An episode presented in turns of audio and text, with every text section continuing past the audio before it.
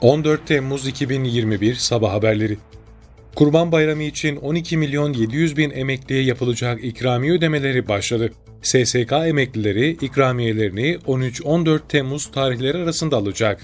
Emekli sandığı kapsamındaki kişilerin ise Temmuz ayı farklıyla Temmuz aylıkları ve Kurban Bayramı ikramiyeleri 15 Temmuz'da birlikte ödenecek. Bağkur emeklilerinin ödemeleri de 16 Temmuz'da yapılacak. 1100 lira olan Kurban Bayramı ikramiyeleri emeklilerin hesaplarına yatırılacak. Cumhurbaşkanı Recep Tayyip Erdoğan, Çin Devlet Başkanı Xi Jinping ile telefon görüşmesi gerçekleştirdi. Cumhurbaşkanlığı İletişim Başkanlığı'ndan yapılan açıklamaya göre görüşmede ticaret, yatırım, enerji, ulaşım ve sağlık başta olmak üzere Türkiye-Çin ilişkilerini geliştirecek adımlar ve bölgesel gelişmeler ele alındı. Yunanistan'ın Ankara Büyükelçisi Atina'da Galatasaray'a yönelik tutum nedeniyle Dışişleri Bakanlığı'na çağrıldı. Yunanistan'a verilen protesto notasında kafilenin karşılaştığı durumun kural dışı, ayrımcı ve dostluktan uzak olduğu kaydedildi. Ayrıca Yunanistan'dan gelecek dönemde ülkeyi ziyaret edecek spor kulüplerine karşı benzeri bir muamelenin tekrar yaşanmaması için gerekli tedbirlerin alınması talep edildi. Türkiye'de dün 234.439 COVID-19 testi yapıldı, 6.285 kişinin testi pozitif çıktı, 46 kişi hayatını kaybetti. İyileşenlerin sayısı ise 5162 oldu.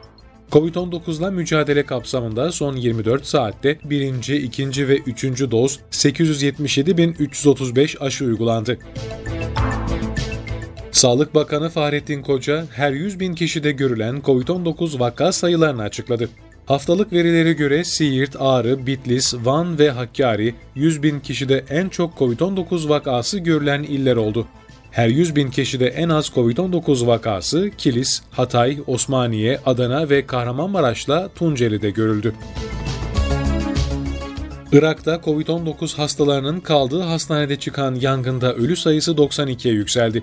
Irak resmi haber ajansının Zikar Sağlık Dairesi'ne dayandırdığı haberine göre Zikar'da COVID-19 hastalarının yattığı İmam Hüseyin Hastanesi'nde çıkan yangında 28 kişi daha hayatını kaybetti. Son ölümlerle birlikte yangında hayatını kaybedenlerin sayısı 92'ye çıktı. Daha önce ölü sayısının 64, yaralı sayısının da 50 olduğu aktarılmıştı. Her sene yüz binlerce flamingo yaz aylarının daha sıcak geçtiği bölgelerden Mart ayının ortalarından itibaren kuluçka dönemi için Tuz Gölü'ne geliyor.